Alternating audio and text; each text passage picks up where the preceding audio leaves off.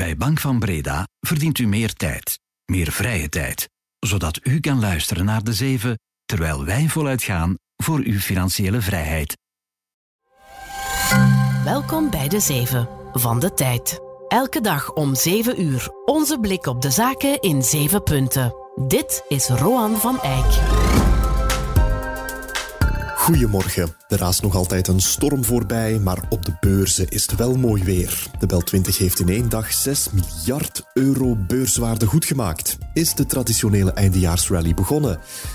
Luchtvaartmaatschappij Brussels Airlines heeft een recordzomer achter de rug en is op weg om er het beste jaar ooit van te maken. Toch wil het bedrijf nog niet te optimistisch zijn.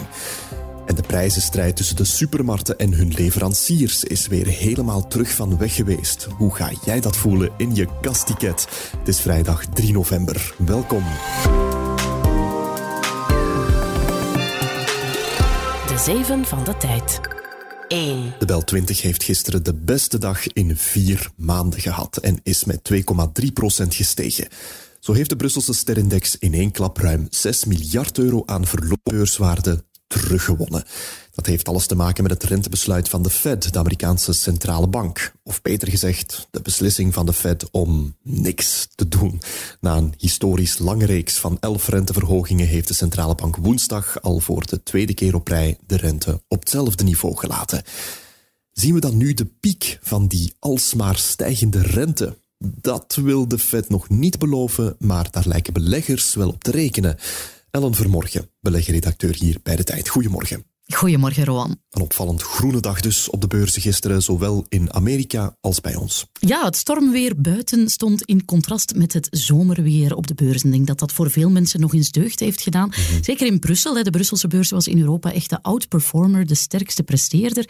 Dankzij dat milde uh, rentebesluit dat we in de VS hebben gehad. De Fed die daar eigenlijk zegt, kijk, ons grote rentewerk ligt achter ons. We willen ja, echt even kijken hoe de renteverhogingen die we gehad hebben, dat zijn er 11, hè, dat is heel veel, hoe die inwerken op de economie. En daaruit uh, leren beleggers dat we misschien wel die rentepiek bereikt hebben. Ja, en welke aandelen profiteren daar het meeste van? Ja, precies omdat die Bel 20 zoveel rentegevoelige aandelen heeft, profiteert hij ook er veel meer van dat die rentevrees nu een beetje uit de markt gaat. Je ziet dat dat vooral werkt op vastgoedaandelen. Die zijn zeer rentegevoelig, hebben veel kapitaal nodig om hun grote investeringen te financieren. Dus die bij uitstek profiteren ervan dat die rentevrees afneemt. En dat zag je met heel forse koersstijgingen op Idifica bijvoorbeeld, een zorgverhuurder, op Cofinimo, uh, op uh, VGP, WDP, magazijnverhuurders. Die stonden allemaal vooraan in die koerstabellen, net zoals techgevoelige aandelen. Ook Melexis heeft gisteren een forse sprong kunnen maken uh, dankzij ja, die afgekoelde rentevrees. En is dat optimisme terecht of zie je ook uitdagingen? Ja, er blijven zeker een aantal grote, ja, ik zou zeggen, caveats, hè, die uh, misschien wel maken dat de beurzen het nog lastig kunnen krijgen. Om er maar twee evidente te noemen, twee oorlogen die woeden, Gaza, Oekraïne. Uh, daarbovenop ook bedrijfssignalen die een beetje gemengd zijn. Sommige bedrijven doen beter dan gevreesd, maar anderen sturen sterke uh, winstalarmen de wereld in. En het geeft dan toch een beetje het gevoel dat uh, de economie niet super weerbaar is en dat we toch wel een pittige recessie misschien tegemoet treden. Allemaal dingen die beurswaarderingen verder op de proef kunnen stellen. Niettemin is het zo dat we eindelijk in ja, goede beursmaanden zitten. Er speelt ook een beetje het seizoensgedrag. Hè. Oktober, een slechte beursmaand, ligt achter ons. En november, december zijn traditioneel veel sterkere beursmaanden. Dus dat kerstgevoel dat een beetje komt, dat heerst ook in die kudde-filosofie of dat kuddegedrag dat de beurs toch wel is, dat ja, traders, handelaars optimistischer worden uh, naarmate het jaareinde uh, nadert. Ja, een uh, kerstgevoel op de beurzen. Ik uh, hoor Mariah Carey al ergens op de achtergrond. Dankjewel, Ellen. Met veel plezier. 2. Gisteravond heeft het waardevolste bedrijf ter wereld, Apple, zijn kwartaalresultaten gedropt. De Amerikaanse techreus noteert opnieuw winst en de nieuwste iPhone doet het beter dan verwacht. Maar Apple noteert wel al voor de vierde keer op rij een omzetdaling. De omzet gaat omlaag met 0,7% ten opzichte van hetzelfde kwartaal vorig jaar. Het is al de vierde keer op rij dat Apple zo'n daling moet slikken. Vooral de verkoop in China valt tegen. Daar zakt de omzet met 2,5% De iPhone blijft het daar wel goed doen. Dat benadrukt het bedrijf gisteren tijdens de presentatie van de cijfers. Beleggers zijn bang dat Apple in de enorme Chinese smartphone-markt stilaan de duimen moet leggen voor concurrent Huawei. Maar het zijn vooral de iPads en de Mac-computers die terrein verliezen. De iPhone-omzet groeide globaal met 2% en boekte ook specifiek in China een recordkwartaal. Verder zijn de streamingdiensten met series en muziek stilaan een sterke groeimotor. En ook over AI suste Apple de belegger, we zijn daar effectief mee bezig. Is die dan helemaal gerustgesteld? Hmm, het aandeel is in de late handel wel met 3,6% gedaald. 3. De ogen van de wereld zijn vandaag opnieuw gericht op Gaza, maar in het bijzonder ook op Libanon. Want voor het eerst sinds de aanval van Hamas op Israël en daaropvolgende Israëlische grondoffensief zal Hezbollah van zich laten horen. De leider van die Libanese strijdersbeweging zal straks in het openbaar over het conflict spreken. Belangrijke speech dus. Voorkennis. Hezbollah leeft al decennia lang op gespannen voet met Israël. In 2006 was de laatste grote oorlog. Maar door de oorlog in Gaza lopen de spanningen nu opnieuw hoog op. Hezbollah-strijders hebben al Israëlische militaire doelwitten bestookt en omgekeerd gebeurt hetzelfde. De grote vraag is of Hezbollah-leider Hassan Nasrallah het daarbij houdt, of hij echt een tweede front tegen Israël wil beginnen. Daar heeft Nasrallah in het verleden al mee gedreigd. Maar ja, als ze dat echt doen, riskeren ze natuurlijk zware vergeldingsacties en die zouden uiteraard ook een zware tol eisen van de Libanese bevolking. Intussen, aan de andere kant van Gaza zijn 20 Belgen de grens met Egypte kunnen oversteken en er staan nog 150 landgenoten op de lijst om hetzelfde te doen. Het Israëlische leger zegt intussen dat het Gaza-stad heeft omsingeld. Het lijkt zich daar klaar te maken voor een inval. 4. De Belgische luchtvaartmaatschappij Brussels Airlines heeft een recordzomer achter de rug.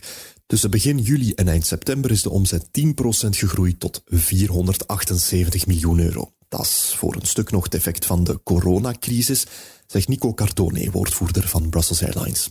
We zien dat de vraag naar vliegtickets heel erg sterk is, maar dat de capaciteit in heel Europa nog altijd niet op het pre-corona-niveau zit. En dat levert natuurlijk ook hogere yields op, hogere marges op, waardoor we ook eh, goed winstgevend kunnen zijn. Daarnaast is Brussels Airlines al langer aan een omschakeling bezig om het bedrijf winstgevender te maken. Het is een oefening, reboot, die al voor corona begonnen was. En tijdens de coronacrisis hebben we dat proces echt moeten versnellen en intenser moeten maken. Dat is een moeilijke en zware periode geweest voor het bedrijf. Maar nu zien we echt dat we de vruchten beginnen te plukken van dat werk. We hebben een veel solidere basis en we zijn nu in staat om beter en winstgevend te werk te gaan. De luchtvaartmaatschappij is nu dus goed op weg om het beste jaar neer te zetten sinds het ontstaan in 2006. Zelfs als het laatste kwartaal wat minder is, zou er eind dit jaar een operationele winst overblijven van zo'n 50 miljoen euro. Dat is niet slecht. Toch is het oppassen voor te veel optimisme. Over de voorbije drie jaar heen was er in totaal nog altijd wel 600 miljoen euro verlies. We hebben de voorbije jaren echt wel verliezen opgestapeld. Dus nu, voor de eerste keer in vijf jaar dat we winst zouden maken, dat is fantastisch.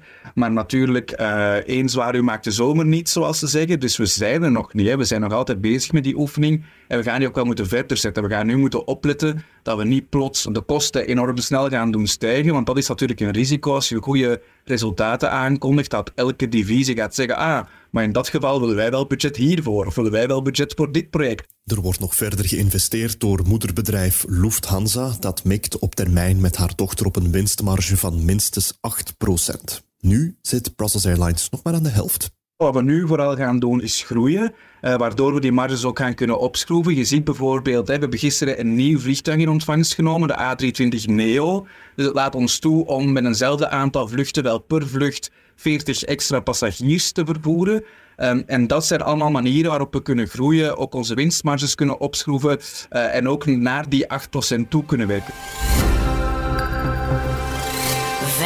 Het moet voortaan eenvoudiger, sneller en goedkoper worden voor een groep slachtoffers om dezelfde tegenpartij aan te klagen voor de rechter.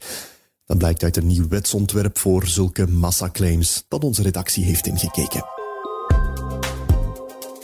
Nu zijn collectieve rechtszaken van grote groepen gedupeerden in ons land heel complex en ze duren vaak lang. Denk aan de omwonenden die schade hebben door de PFAS-vervuiling van 3M of de beleggers die zijn achtergebleven na het Lernout en Houspie-debakkel. De nieuwe regel zorgt ervoor dat een eindvonnis van de rechter in één zaak ook gebruikt kan worden als bewijs in andere zaken die over hetzelfde onderwerp gaan, met dezelfde tegenpartij dus. Als een rechter bijvoorbeeld in één zaak oordeelt dat blootstelling aan asbest inderdaad kankerverwekkend is, hoeven andere slachtoffers dat niet opnieuw te bewijzen. Daar kan dan niet nog eens over gediscussieerd worden. Dat maakt procedures goedkoper en sneller. En de drempel om een zaak te starten wordt ook lager, zeggen experts. De bedoeling is dat het parlement het wetsontwerp dit jaar nog goedkeurt. 6. De prijzenstrijd tussen supermarkten en hun leveranciers is weer helemaal terug van weg geweest.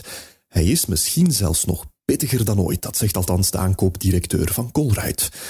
De herfst is traditioneel het moment van het jaar waarop die twee partijen opnieuw aan tafel gaan zitten voor tariefonderhandelingen. En met de dalende inflatie en opnieuw goedkopere grondstoffen rekenen de supermarkten erop dat de leveranciers hun prijzen verlagen. Maar die zijn dat duidelijk niet van plan. Dat blijkt uit rondvraag door onze redactie.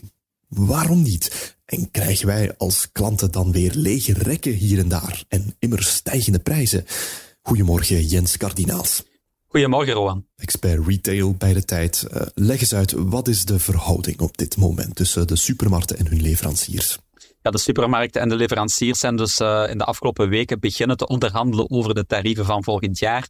En je ziet dat ze wel een, een andere insteek hebben beiden. Hè. De supermarkten willen eigenlijk dat er prijsverlagingen komen vanwege de leveranciers verwijzen vooral naar het feit dat bepaalde grondstoffen goedkoper zijn geworden in de voorbije maanden en in het voorbije jaar.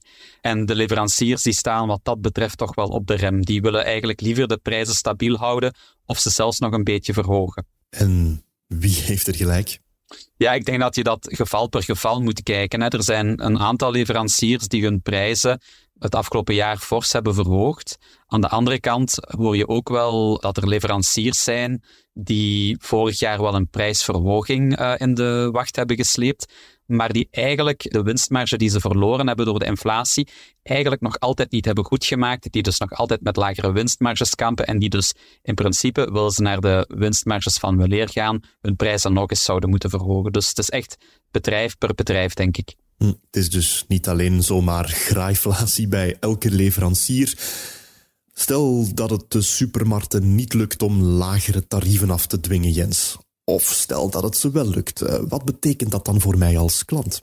Wel, als het uh, water tussen de leveranciers en de supermarkten diep blijft, dan ja, is de kans toch wel bestaande dat er opnieuw lege rekken zullen ontstaan bij verschillende ketens.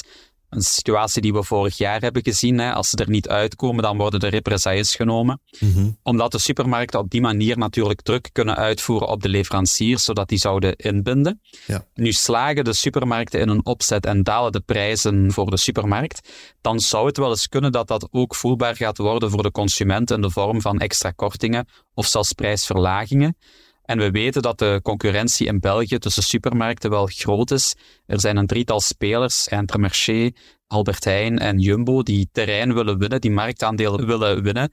En ja, lage prijzen, dat is natuurlijk wel een manier om klanten te lokken. Ja, er is veel concurrentie in het Belgische supermarktenlandschap. En dat is dus alleen maar goed voor de prijzen. Dankjewel, Jens Kardinaals. Graag gedaan.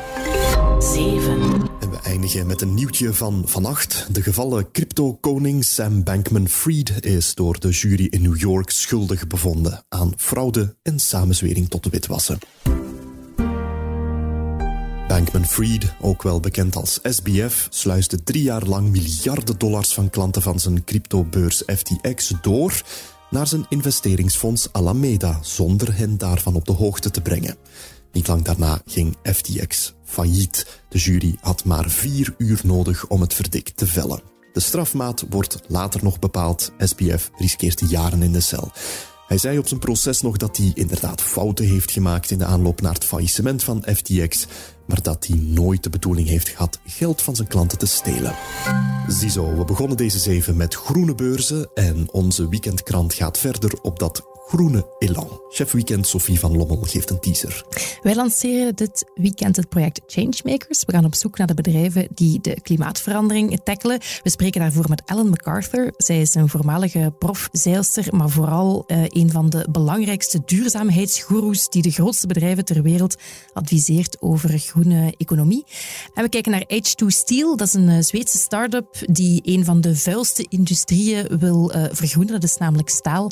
En zij willen dat bijna emissievrij gaan produceren. En wie nog niet is uitgeluisterd, kan de nieuwste aflevering van de Beursvailleurs checken. Daarin is Benoit van den Hoven te gast, de kerstverse CEO van Euronext, de Brusselse beurs. Hij kijkt nu al uit naar september volgend jaar. 4 september 24, dat is de, de datum van de terugbetaling van de staatsbond, de 22 miljard. Ah ja.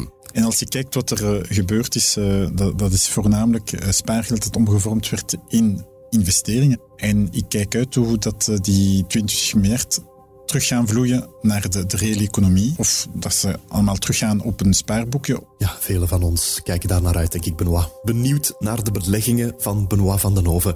Luister dan naar de beursvailleurs op de app en site van de tijd of eender waar je onze podcasts vindt. Maandag is Bert er weer om vooruit te blikken op de nieuwsweek met een gast. Dat is deze keer hoofdeconoom van ING Duitsland, Karsten Brzeski. Tot dan, en wat mij betreft, tot horen. Dit was De Zeven met Roan van Eyck. Productie door Lara Droesaert van op de redactie van De Tijd. Bedankt om te luisteren. Maandag zijn we er weer. Fijn weekend.